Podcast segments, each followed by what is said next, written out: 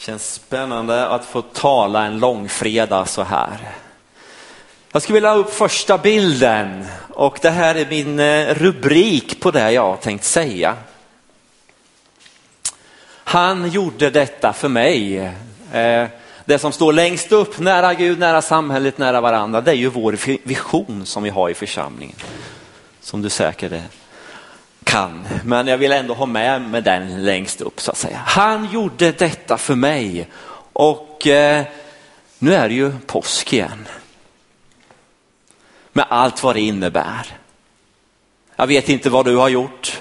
Plocka fram påskägg och påskmat och allt godis du kanske har köpt och allt vad det nu är för någonting. Man får några dagar extra ledigt också, visst är det skönt? Eller? Vissa nickar ja. Och eh, jo men lite så här. Men om man nu skulle sammanfatta påsken med bara några ord, vad handlar det om? Jag skulle väl bara säga död, förlåtelse och liv. Några enkla ord. Eh, jag tänkte jag skulle läsa från Lukas evangeliet. Och eh, nu har jag en eh, teknisk pryl här som jag tänkte, om jag trycker på den knappen så ska någonting hända. Men vi gör, ja, där kom det. Jag vet inte om det var jag, om det var du där nere. Men okej, okay. nu har vi bytt bild i alla fall. Och nu ska vi läsa från Lukas evangeliet. Det budskap som på, eller långfredagen handlar om. Lukas 23, 21. då ser ni det andra som jag tänkte läsa här. Men de skrek, korsfäst, korsfäst honom. Där de kom till en plats som kallas huvudskallen, korsfäster i honom. Och brottslingarna där, den ena på hans högra sida och den andra på hans vänstra. Men Jesus sa, Fader, förlåt dem, ty de vet inte vad de gör. Och de delar hans kläder mellan sig och kastade lott om dem. Folket stod där och såg på. Men medlemmarna i Stora rådet hånade honom och sade, andra har han hjälpt, nu får han hjälpa sig själv. Om han är Guds Messias, den utvalde. Även soldaterna gick fram och hånade honom. De räckte honom surt vin och, vin och sade, om du är judarnas konung så hjälp dig själv. Över honom fanns det också ett anslag. Detta är judarnas konung. En av brottslingarna som var upphängda där skymfade honom och sade, är inte du Messias? Hjälp då dig själv och oss. Men den andra tillrättavisade honom och sade, fruktar inte heller du Gud, du som är under samma dom. Vår dom är rättvis, vi får vad vi har förtjänat. Men han har inte gjort något ont. Han sade, Jesus, tänk på mig när du kommer till ditt rike. Jesus svarade, amen säger jag dig, idag ska du vara med mig i paradiset. Det var nog omkring sjätte timmen. Då kom över hela landet ett mörker som varade ända till nionde timmen. Solen förmörkades och förlåten i templet brast mitt i tu. Och Jesus ropade med hög röst. Fader, i dina händer överlämnar jag min ande. Och när han hade sagt detta gav han upp andan. Officeren som såg det, det som hände prisade Gud och sade, den mannen var verkligen rättfärdig. Allt folket hade samlats för att se på och de slog sig för bröstet när de såg vad som skedde och vände hem igen. Att slå sig för bröstet, det visar sorg och förtvivlan. Här har vi det långfredagen handlar om. Det som hände för så många år sedan. Det kanske är som så, det här var första gången du hörde den här texten. Och det var ju något nytt för dig. Men eh, du kanske hört den både 50 och 60 och 70 gånger, jag vet inte. Men eh, någonstans där kan det bli nästan lite så här så att eh, eh, man, man, blir nästan lite immun mot det man hör. Man har hört det så många gånger. Man, det blir som en vana. Han gjorde detta för mig.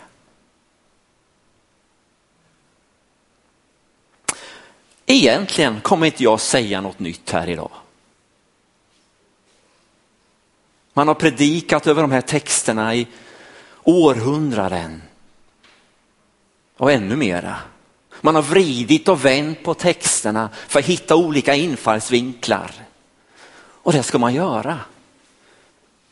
Och jag kommer inte hitta några nya infallsvinklar. Utan jag kommer stanna vid texten här. Ta upp olika saker som jag upplever att jag ska göra. Det är några saker här som jag har tänkt på.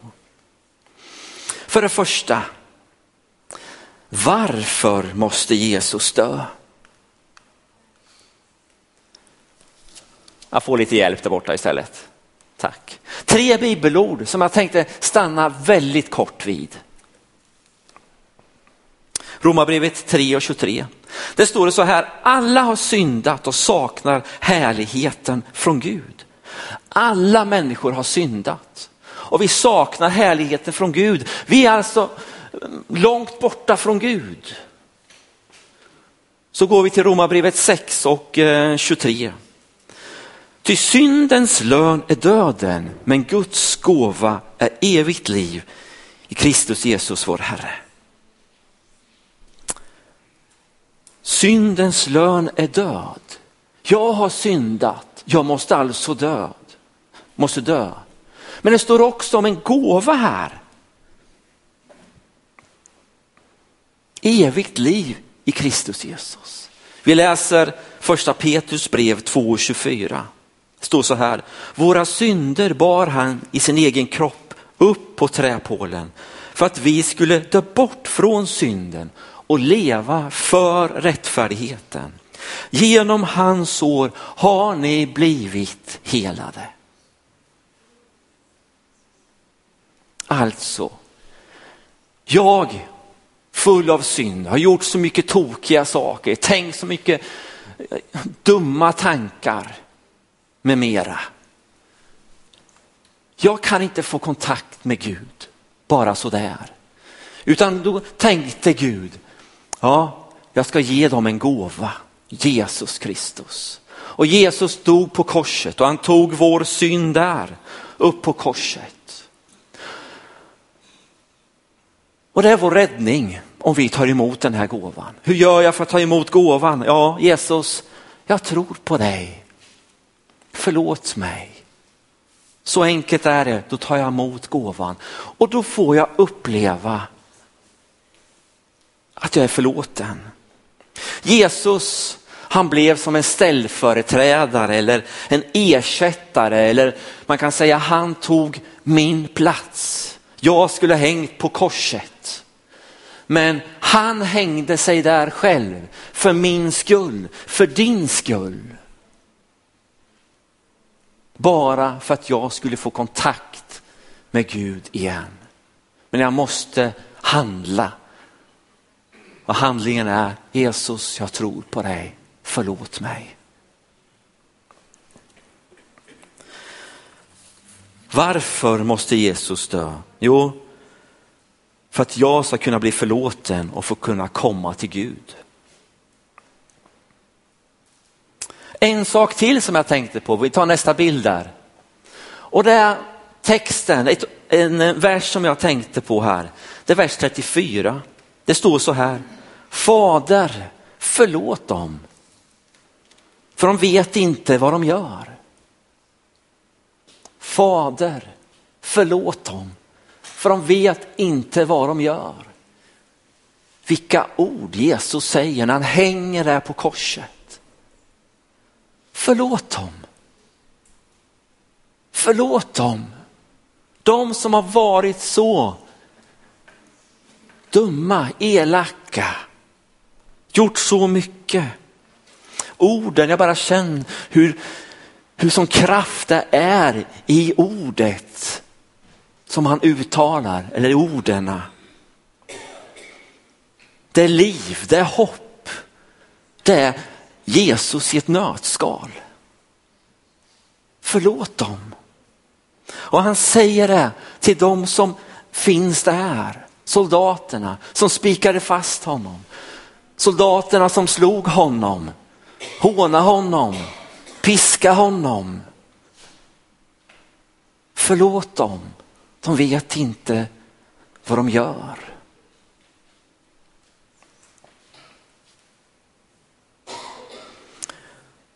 Det är mäktigt tycker jag. Men det finns också en lärdom här som jag ser. En viktig lärdom för oss. Jesus, han går ju före på alla områden, även här. En djup vishet. I Matteus 5 så undervisar Jesus hur vi ska vara mot varandra. Hur vi ska bete oss. Och det står bland annat att vi ska vända andra kinden till. Och det står också att vi ska älska våra ovänner och vi ska be för dem som förföljer oss. Vilka ord! Men här visar Jesus i praktisk handling vad han talar om i Matteus 5. Förlåt dem, de vet inte vad de gör. Och jag tror att de här orden fick betydelse. Tänk att höra det som soldat. Jag har precis spikat fast en man och så får jag höra att jag är förlåten. Det måste ju ha skakat om de här människorna som hörde det här. Och inte bara just då, utan jag tror att det så att säga ekade i huvudet under en lång tid. De här orden. Hur kunde denne man säga de här orden? Han var ju totalt sönderslagen och så säger han förlåt dem. Jag vill bara säga ord som uttalas kommer alltid att leva vidare. Vi tar nästa bild där tack. Det ord du säger idag kommer leva vidare i den du har sagt det till för resten av livet. Det ord du säger, eller man ska ju också tillägga skriver, för hur mycket skriver ett ord idag, kommer leva vidare i den du har sagt det till för resten av livet. Vad menar jag? Jo, jag tänker så här. Är det ord av uppmuntran? Är det ord av, eh, av eh, du är så bra, du är så duktig. Det lyfter ju. Sånt vill jag höra. Och det är bara, det här bär vi med oss, eller hur? Visst är det så? Men är det, du kan inget. Skärp dig. Du är värdelös. Det kan man inte lita på. Eller vad det nu är för ord. Det där fastnar ju också. Men det är ju inte uppmuntrande, eller hur? Utan det är ju ner, man blir ju nedtryckt istället. Och de här orden ekar för alltid skulle jag vilja säga. Man påverkas av ord som man hör. Oavsett om det är positivt eller om det är negativt så, så, så påverkas du och jag av de här orden som sägs. Tänk på hur du använder ord, är uppmaningen. Och här känner jag, oj Mikael, aj, aj, aj, aj, aj. varför sa du så där? Varför gjorde du det där? Man bara känner och man ångrar, varför? Men det, det, som är sagt är sagt och man kan inte ta tillbaka det. Därför, tänk på hur vi använder våra ord. I Ordspråksboken 18 och 21 så står det tungan har makt över död och liv. Och jag tror det är så viktigt angående det här. Orden, hur du säger, vad du säger. Låt munnen fyllas av tro och hopp istället. Det är det det handlar om. Uppmuntra varandra. Det finns alltid saker som man kan uppmuntra människor i. Det finns alltid någonting. De här orden, de lever kvar. Det är nästan som de finns i världsrymden och studsar där. Det ekar på något sätt. Tänk på det här.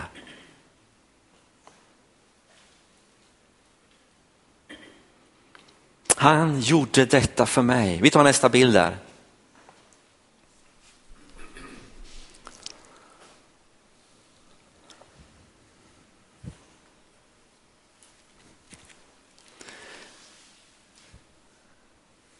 Det är lite svårt att se. Men Jesus han kläddes av naken. Han blev bunden vid en påle. Han blev slagen med läderremmar. Jag ska inte gå in i detalj på det här, men det är fruktansvärt.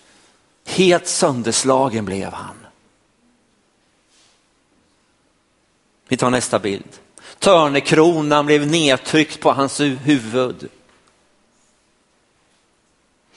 Han fick en tvärbark att bära. Eh, jag har läst någonstans att den skulle vara ja, 15 kilo eller vad det nu var. Men han var ju så sönderslagen. Han skulle gå de där exakta tusen stegen till Golgata, ungefär 800 meter. Men han klarar ju inte av det. Han var ju så ja, orkeslös. Han hade ju inget kvar. Så Simon tvingade honom att bära den här tvärbalken. Och mitt på dagen så kom de fram till Golgata och där spikades han upp. Korset var ju det värsta tortyrredskap som, som tänkas kan. Varför? Jo, för de levde så länge. Till slut så plockar man bort det här tortyrredskapet för det var för fruktansvärt. Han gjorde detta för mig. Jesus dog för oss. Inte nog med det, utan han blev såld. Han blev eh, förrådd, han blev hånad, han blev slagen, han blev misshandlad, bespottad. Det här för dig och mig. Orsaken var, ja, han bara hade gjort gott. Ser du honom? Ser du honom på korset?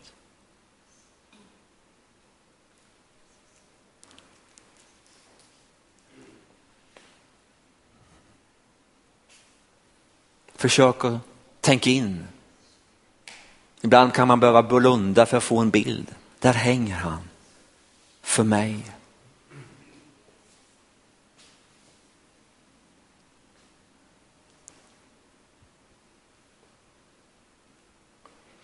Ser du hans blick? Ser du smärtan i ansiktet? Han gjorde det för dig och mig. Förtvivlan i ögonen. Muskler som, musklerna som är så spända av smärta. Och till slut så dog han. Han gav upp andan, som vi läste i texten. Guds son dog på ett kors. Han kunde på ett ögonblick ändra Alltihopa, men han gjorde inte det. Han hängde kvar.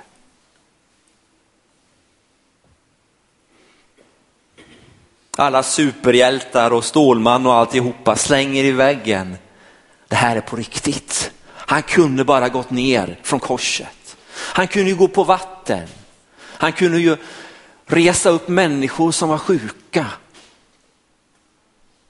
Blinda fick sin syn. Här hade han dött. Han hängde där, han gjorde detta för mig.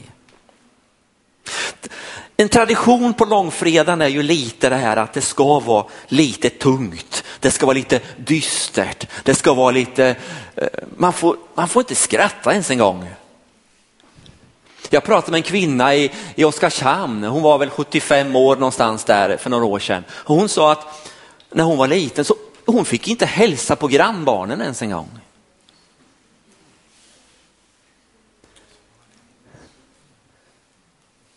Och det var det här, det tunga.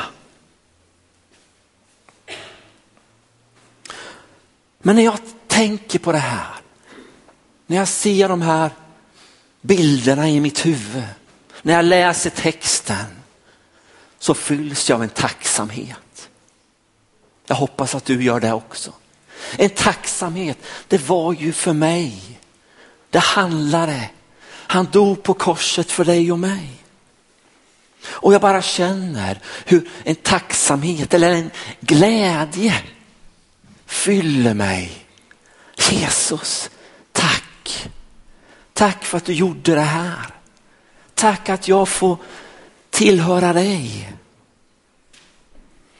Och jag är förlåten. Ha? Jag är förlåten. Är det någon mer som är förlåten? Amen. Vi är förlåtna. Jag ska inte gå in på påskdagens budskap. Men det kan inte bara vara mörker idag. Utan det är ju så mycket ljus också. Mitt i tragedin, mitt i detta svåra, mitt i detta jobbiga. Jag är förlåten.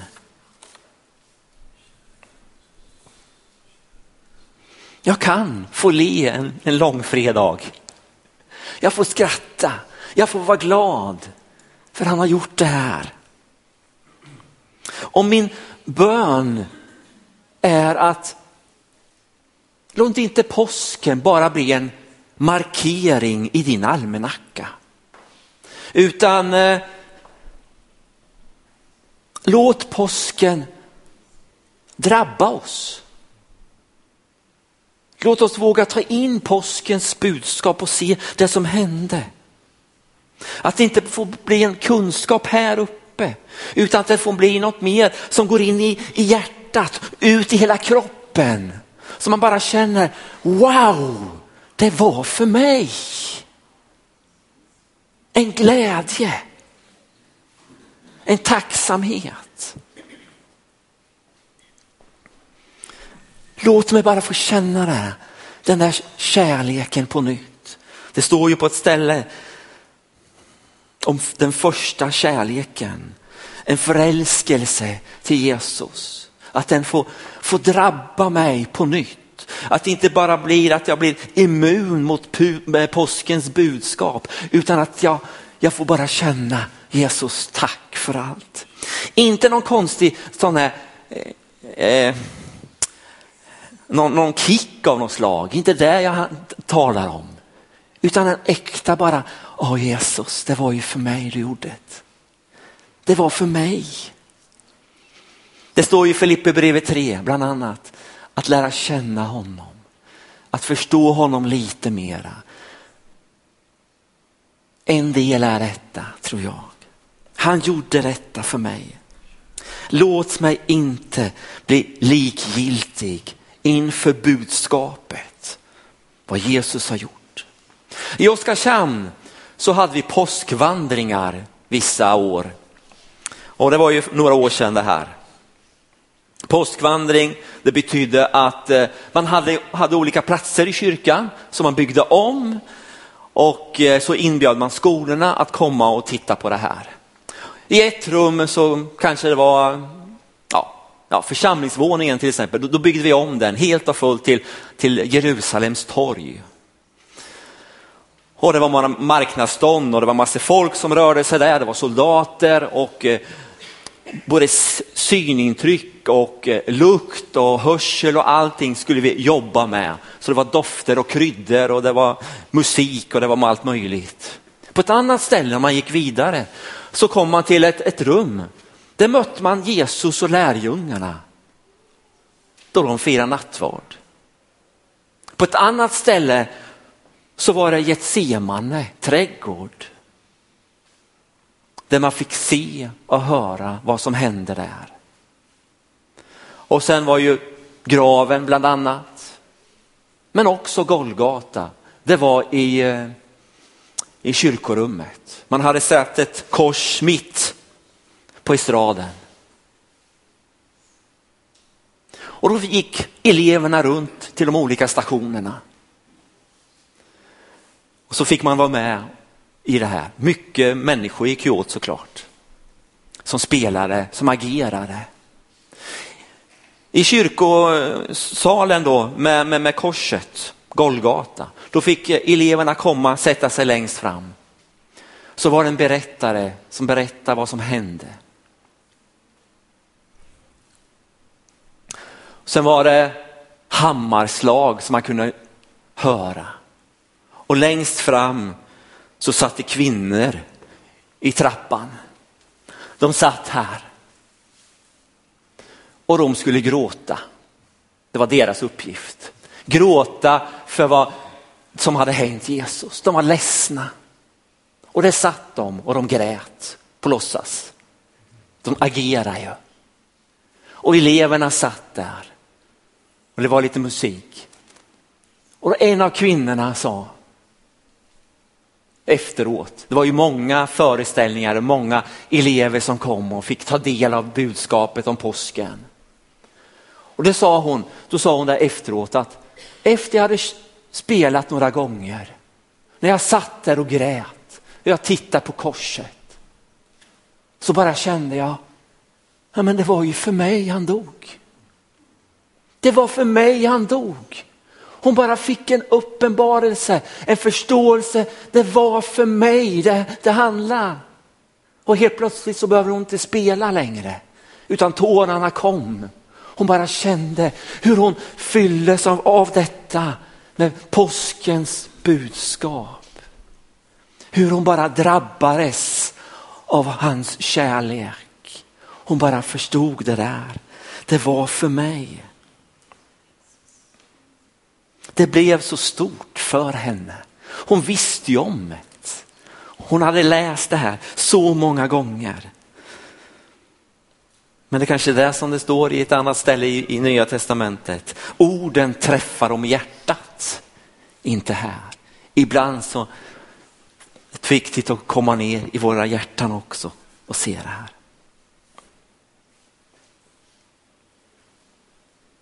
Låt det blir din påsk, ett möte med Jesus. Sammanfattning. Han gjorde detta för mig. Tänk, han gjorde det för dig och mig.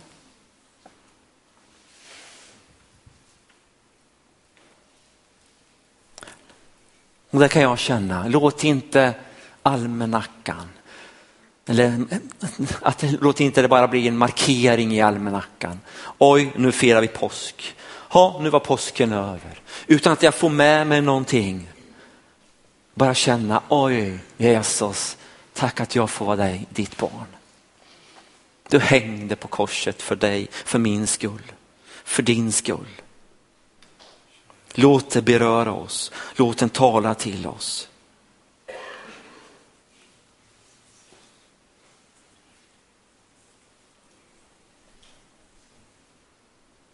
Men också hur använder vi orden?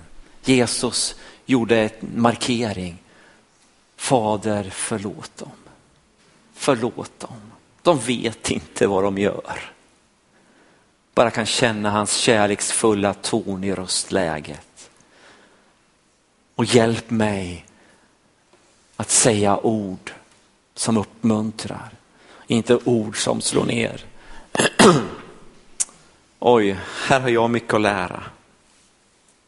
Det ord du säger idag kommer att leva vidare i den du har sagt det till för resten av livet.